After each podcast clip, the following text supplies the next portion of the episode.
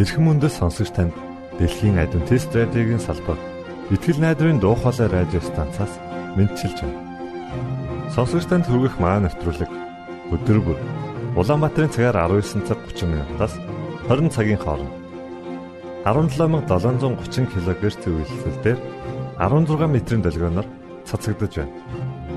Энэхүү нэвтрүүлгээр танд энэ дэлхий дээр хэрхэн аз жаргалтай амьдрах талаар зарчим болон мэдлэгийг танилцуулахдаа бид таатай байх болноо. Таныг амарч байх үед аль эсвэл ажиллаа хийж байх зур би тантай хамт байх болноо.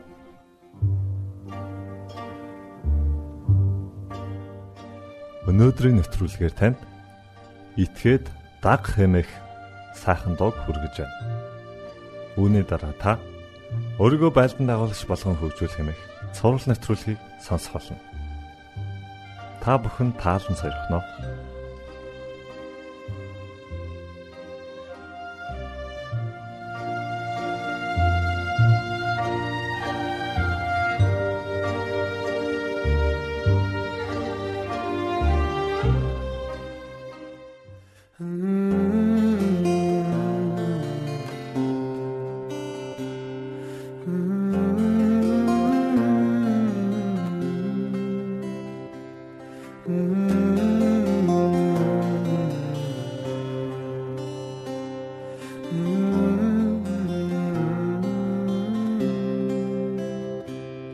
Таны заасан замаар тантай хамт алхах хүн ямар гайхан гэрэл замд минь гинэвэ. Таны хүслийг үйлдэж танд итгэж дагах хүн бидний дэргэд хамт байсаар байдаа Есүстэй хаа баяр хориг мэдрээ Өөр ямар зам энд байхгүй. Зөвхөн итгэж та. Гэхдээ тэлийн тэр зам сатотор их байдаг. Халуун хайрыг тань яаж тэд мэдэх вэ? Гэрэлт найдвар дотороо аялаж байгаа хүн бүр таны бэлсэн баяр баясгаланд орно.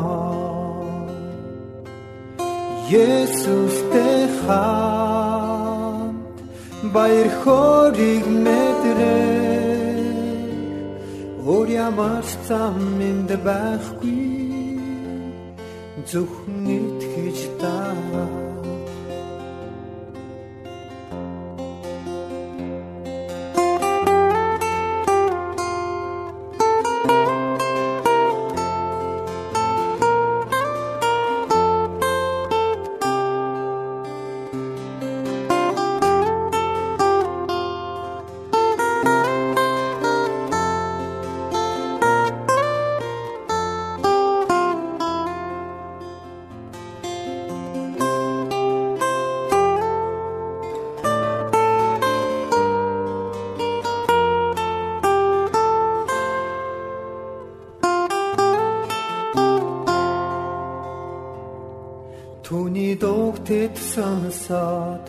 түүний хөлд суух болно.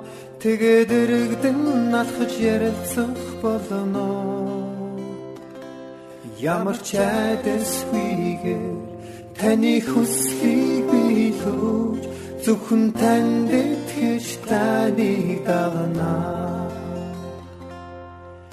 Есүстэй хаа баяр хориг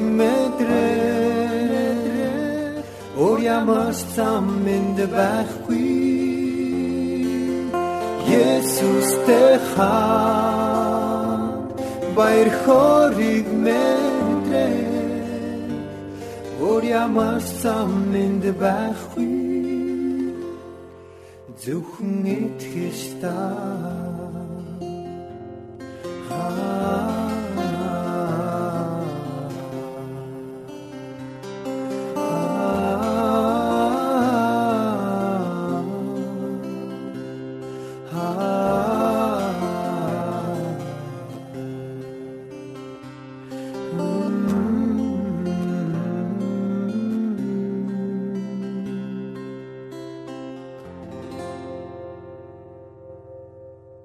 Сайн байцгаана уу сонсогчдоо.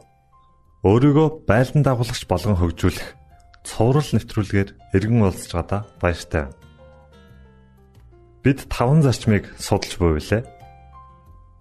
Энэ удаагийн зарчим бол лантуун зарчим буюу дөрөвдүгээр зарчим. Бусдын толгойг хизээч бүү лантууд. Александр Маклерен хэлэхдээ хэрв та дэлхийг ялахыг хүсвэл уян зөөлнөр ханд харин бүүл антуу нүглэг гэж хэлсэн байдаг. Энэ удаагийн зарчмын бидний өөрөөсөө асуух асуулт нь би жижиг сажиг зүйлсээр харилцаагаа боснолдгоо гэсэн асуулт. Нэгэн залуу ихнэрээ дүлий болоод байгааг мэдэрчээ. Тэгээ хэр зэрэг дүлэрээд байгааг нь мэдхийн тулд эмчээс зөвлөгөө авахар шийдлээ. Тэгтэл эмч түнд эхнэрийнхээ ар 5 м орчим зайнаас асуулт асуугаад үзээрэй. Хэрвээ сонсохгүй бол 4 м гэх мэтээр ойртоод асуугаад бай гэж зөвлөжээ. Ингээд майнер эхнэрээ оройн хоол хийж байхад нь 5 м-ийн зайнаас хараа ямар хоол хийж байгаа юм бэ гэж сууж. Гэвч эхнэр нь юу ч хариулсангүй. Тиймээс тэрээр дахин 1 м ойртон асуусан боловч мөн л хариу сонссонгүй. Энэ мэт метр метрээр ойртсон боловч хариу сонсоогүй тул эцэст нь яг эхнэрийнхээ ард ирээд ямар хоол хийж байгааг нь асуулаа. Гэтэл эхнэр нь "Жим, дахианы мах идэнэ" гэж 5 удаа хэллээ шүү дээ гэжээ. Энэ түнд эхнэрийнхээ биш өөрийнхөө сонсголыг шалгах ёстойг сануулжээ. Би эхнэр Маргариттайгаа 1969 оны 6 сард гэрэлсэн. Бид бусад хосуудын л адил цаашдын амьдрал маань дардан зам шиг шулуун сайхан үргэлжлэнэ гэж итгэж байлаа. Гэтэл бидний хүссэн хүлээлт талаар өнгөрөх нь тэр. Мэдээж шүү дээ. Бид бие биенээсээ өөсөө олж харсаар хаяа нэг маргалдаж зөрчилдсөөр улмаар үүнээс гарах үр дагаврыг амсаж эхлэв. Ийхүү гэр бүлийн амьдралд хэрхэн зохицож амьдрах вэ гэдэг асуултын хариултад нэлээд цаг гарах шаардлагатай боллоо. Хүн бүхэн л миний зөв гэж өөрийгөө мөрдөг шиг Маргаret бас миний зөв байдлыг хүлээн зөвшөөрөх ёстой гэж би бодож байлаа. Би илүү сайн ярьдаг, ятгаж үнэмшүүлэх гарамгаа чадвараа ашиглан өөртөөхөө хооронд гарч буй зөрчлийг ядах юмгүй шийдсэн гэж үзэж байлаа. Мэдээж бид хизээж бие биерүүгээ орилж хасгарч байгаагүй л дээ. Хэдийгээр бид маш ухаалаг, уйл сууртай, нухастайгаар асуудлаа шийдэх харилцсан хамааралтай байсан ч ялалт ямагл миний тал байсаар Харин эхнэр маань өргөж оноогоо алцаал. Ийхүү бид гэрэлтийнхээ эхний 2 жилийн дотор маш олон зүйл хийсэн ч нэгэн ч амжилттай сайхан байгаагүй. Яагад гэвэл би эхнэрийнхээ зүрх сэтгэлийн галыг ааж маажмаар бөхөөж байгаагаа огт анзаарахгүй явж байлаа. Цаашлах тусам тунж гомдлох нь ихсээр хоёр биенийхээ дунд үйл ойлголтын хан босгон тоосго нэмсээр байгаагаа ч мэдсэнгүй. Эцсийн мөчөд гэр бүлд минь ямар их аюул нөөрлөжсөн байгаагч би анзаарах сөхөөгүй явсаар байв. Гэтэл нэг өдөр эхнэр минь хажууд ирж сууснаа. Урд нь болж өнгөрсөн маргаан зөрчилдөөс болж ямар хэцүү зүйл мэдэрч байгаа талаар учиргүй тайлбарлаж гарлаа. Ингэж би анх удаа зөрчилдөөнд ялал байгуулахаас илүүтэйгээр хамгийн хайртай хүнээ хамгийн ихээр шахалгуулж байснаа ухаарсан төдийгүй. Түүнтэйгээр харилцаагаа барьж байгуулах нь илүү чухал юм байна гэдгийг ойлгосон билээ. Тэр өдрөөс эхлэн би гэр бүлийнхээ харилцаанд өөрчлөлт хийхээр шийдсэн зөв хандлагатай байна гэдэг нь зөв хариулт өгөхөөс илүү чухал гэдгийг ухаарсан минь намайг илүү уян хатан болгож өстой л долоо хэмжээс нэг огтлох гэдэг зарчимд сургасаар байлаа. Ингээ бидний хооронд үл ойлгослын хан нурж харин хайрын гүр баригдаж эхэлсэн юм. Тэр цагаас хойш би хэн нэгэнтэй зөрчилдөх зүйл гарвал эрүүл ухаанаар харж эвэйг хичээн зохицуулдаг болсон. Хэрвээ надад ланту байсан бол Хүүхэд эцэг эхийнхээ үгэнд дуулуурыг хандаж залхууран хоригших үед алган боовны амт мэдрүүлснээр дуулууртай идэвхтэй болдог.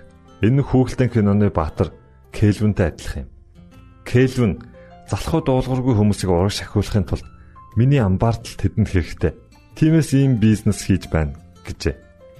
Үүнтэй адил тухайн хүний онцлог байдлаас шалтгаалж лантуудах хэрэгтэй ч уян зөөлөн хандах хэрэгтэй үнэнтэй нүүр тулахад хэцүү байвал дараах дөрвөн зөвлөгөө хэрэглэхэд илүүдэхгүй. Нэгдүгээрт төвчээртэй хандах. 40 иргэм насны нэгэн хүн зоогийн газар оронгота шуудхан л зөөгчдөр очиж танаа зогсуулга намдах ямар нэг юм байна уу гэж асуулаа. Зөөгч үгийн зөрүүгөө шууд л нойлтон алтчаар аван залуугийн нүрөө чулууд.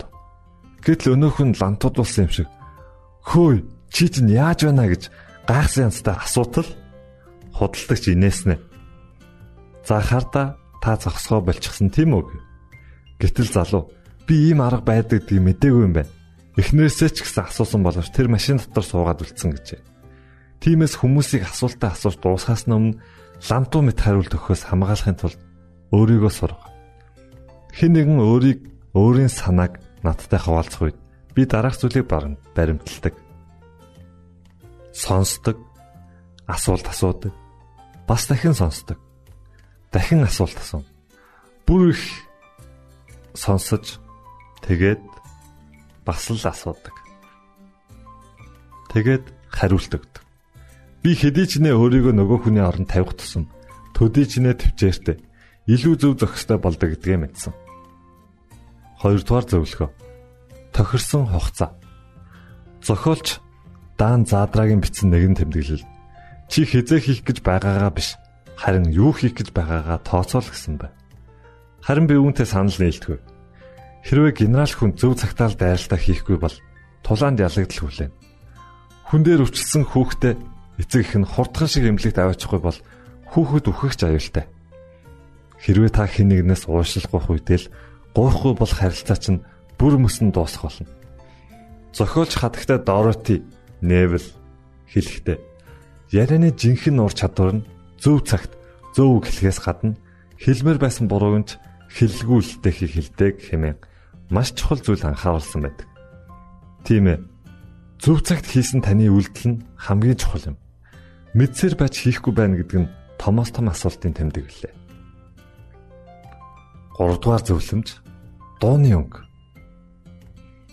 Өрх толгоос нэгэн эмэгтэй 3 болон 5 настай хоёр хүүхэдтэй байжээ. Тэрээр хүүхдүүдийнхээ бүдүүлэг яриаг байнга засах гэж оролдог байв.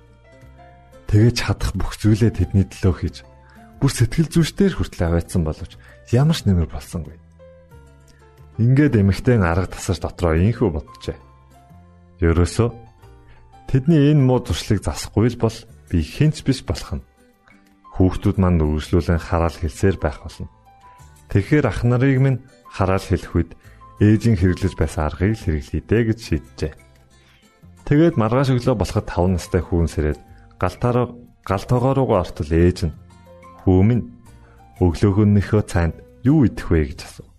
Хүү ээж рүүгээ хараад жаахан жимсний чанал гэснээ хараал хэлв. Тэгтэл ээж нь түүнийг алгадаж орхитол хүү үсрээд явчихав.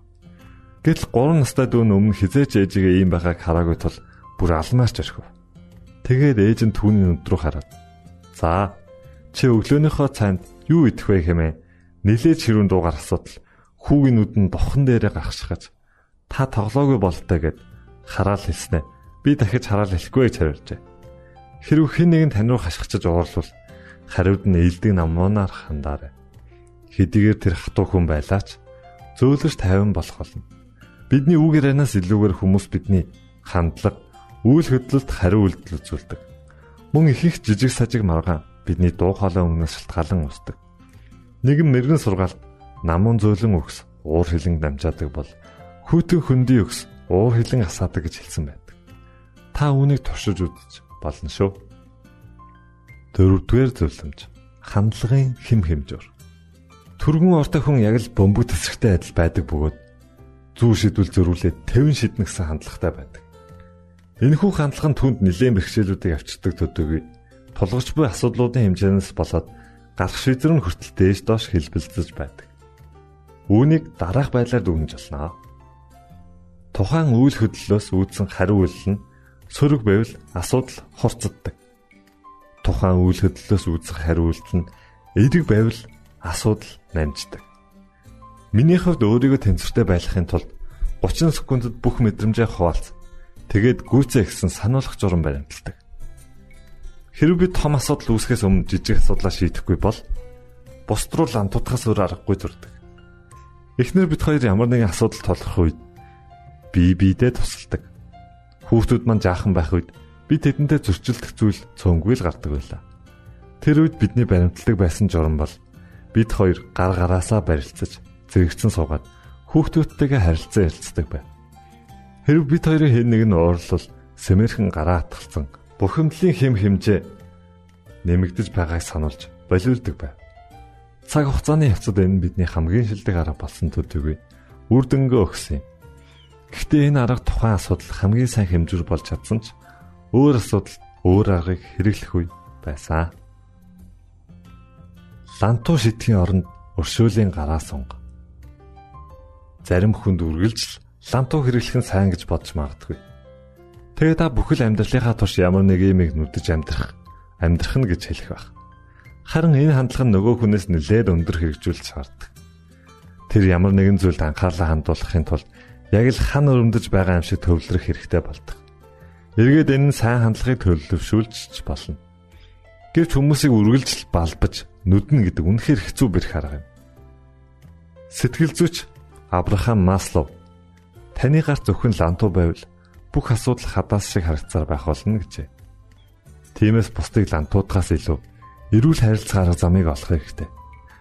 Хэрв та хүмүүсийн сэтгэл төрх арга хөгжүүлэхийг хүсвэл дараах зөвлөгөөг өөрийн зүрхэнд оруулаарай.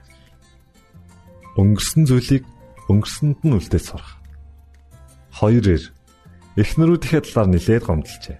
Нэгдэх нь бид хоёр хэрэлдэхэд эхнэр маань ойлог болсон түүх ярьдаг гэж л дээ.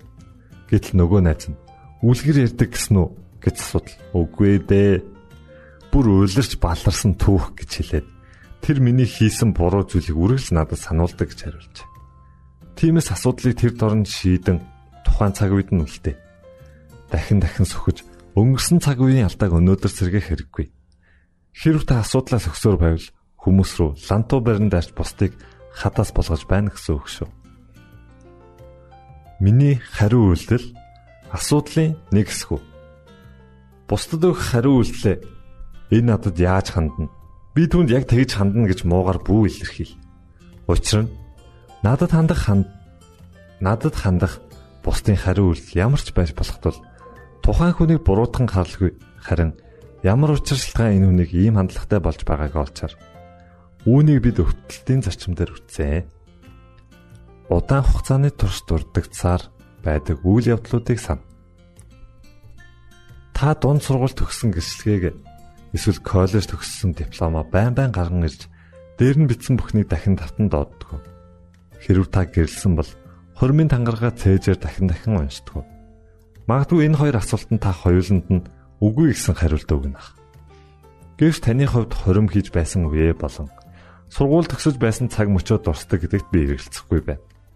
Тиймээс та бусдад хэлэх үгнээсээ илүүтэйгээр хүмүүстэй хамт байж удаан хугацааны туршиж санагцаар байх дурсамжийг үлдээ. Үүний тулд чин сэтгэлээсээ үйлдэж амьдр. Нөхцөл байдлыг харилцаанаас дээгүр хизээж бүү тавь. Өөрийнхөө нөхцөл байдлын алдаа дутагдлыг бусдад тохох гэсэн хүмүүсээр дүүрэн ертөнцид бид амьдарч байна. Хэрв би их нартэйгээ харилцаагаа барьж байхулахаас уртад өөрийнхөө үзэл бодлыг илүү өндөр тавьсаар байсан бол түүнтэй хизээж гэрлэхгүй байсан гэдэгтээ огтхон ч марахгүй харилцаа гэдэг бол бүх зүйлийн суур гэж би боддог. Тиймээс бусдад харилцах харилцаагаа чухалчлах тусам төдийжнээ олон гарц боломжууд үйл харгаа нээж өгдөг. Тиймээс нөхцөл байдлыг харахаас илүү харилцаагаа барьж байгуулах нь нэн чухал. Болзолгүй хайраар бусдыг хайрл. Нөхцөл болцолгүйгээр бусдыг хайрлах сайн загвар нь өнөөгийн доройтож буй нэгэнд уламж бүдгэрч хүмүүс өөр хоорондоо харилцан хамааралгүй болсоор байна. Нисгэгч Джон Вайт бусдад хандах хандлагынхаа талаар өөрийн хүсэл зоригийг илэрхийлэхдээ бид хайр тараагчд. Учир нь хүн бусдыг хайрлах үед тэдний хизээж үзэн ядч чаддгүй. Ийхүү бид тэднийг хайрлвал альва муу зүйлс, бүтлгүүдэл, хорсол гомдол нуран ундаг. Тиймээс бусдын гин бурууг зарлаж, улыг нь шагааж байхын оронд нөхцөл болцолгүйгээр хайрлал тэдэнд илүү нөлөөлж чадна хэмээжээ. Буруу зүйлийг хүлээн зөвшөөрч уучлахгүй. Чикаго дахь нэгэн клубын гишүүн Ол Капони та илдэг сайхан үг тарих тусам илдэг сайхан үг хураан авах болно гэж хэлжээ. Юутай ч танд хэлэх маш чухал үг бол уучлалт гэдэг хамгийн сайхан зүйл гэж хэлж байхдаа би өөрөө ч гэсэн баяртай. Та бусд руу илбрэлт гараа сунгахын оронд лантуу нүлгэж байна гэдгээ ухаарах мөчөд бурууга хүлээн зөвшөөрч уучлалгүйх нь хамгийн сайн арга болдог. Энэ таныг үе олон гэмнүглээс далж өгдөг. Та яг энэ бүлгийг уншиж байтал найз чинь эсвэл тантай хамт ажилладаг хэн нэгэн санаач нь орж иж болох юм. Хэрв та түүнийг лантуудаар зөхиж байсан бол төр хүлээгээд өөрлөгөө нэг өнгийн хараарай. Түүн таны илбрэлт гар гарцаагүй хэрэгтэй байгааг харах болно. Хүмүүр тулгардаг асуудал бол тэд цаг үргэлж лантуу хэрэглэж байдаг гэдгээ мэдэхгүй л байгаа юм. Майк Кемэх банкны хөрөнгө оруулагч залуу лантуу шидэж байсан тул үүнээс гарах гарц болохын тулд ерөнхий дасгалжуулагч Goldstein-ээс өөртөө туслахыг хүсв. Тэрээр өөрийгөө түнд гадаа бол эрэлхийг дайчин боловч гэртээ нохоо харсан муур шиг л хүн гэжээ. Тэгтэн Goldsmith хүнд эхнэр рүүгээ залгаад өөрийг нь хэрхэн дүүнж байдаг талаар асуу гэж зөв. Гэтэл эхнэр нь түүнийг тэр гэртээ арслан бар шиг л байдаг гэж хэлсэнд түүнийг мэйл гайхаж цэл хөхрүүлж орхижээ. Хүүхдүүд нь ч хүртэл ээжийнхээ эснийг батлсан тул эцэст нь Майк өөрийнхөө үнэн байдлыг хүлээн зөвшөөрчээ. Ингээд Goldsmith хамаг байдаг хүмүүс чинь тойл барьсантай адил. Тэд танд харж байгаагаа л хэлэх болно. Та тэдэнд итгэхгүй байлаач үнэндээ танд хайртай учраас л үннийг хэлдэг. Хэрв та үнийг үргэлжлүүлсээр байвал таны эргэн тойрны хүмүүс хадастай адил болох болно гэж зөвлөжээ.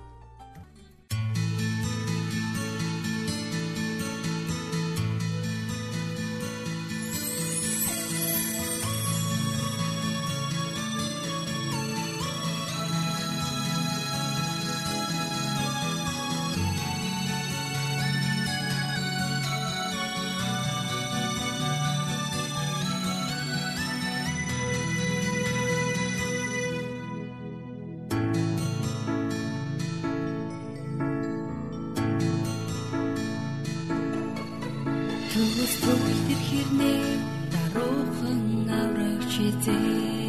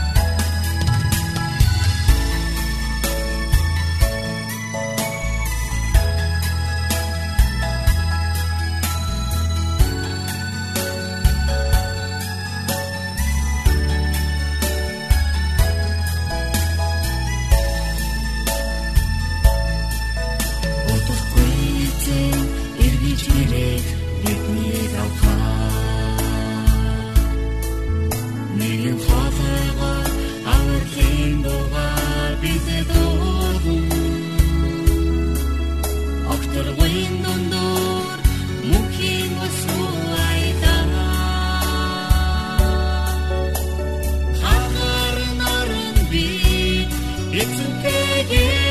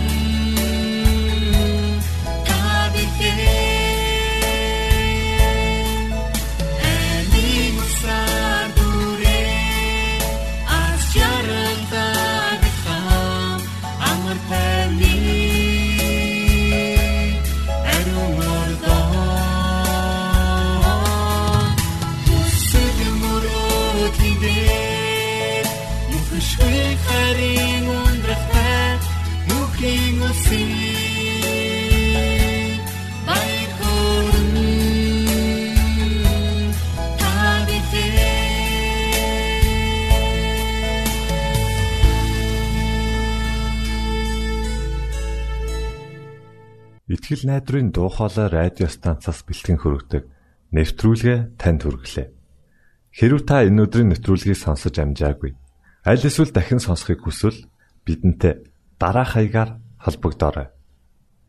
Facebook хаяг: Satiin усгээр Монгол заавад AWR Имейл хаяг: mongol@gmail.com Манай утасны дугаар 976 7018 24 9 Шуудангийн хаяг 16 Улаанбаатар 13 Монгол улс Биднийг сонгон цаг зав аваад зориулсан танд баярлалаа.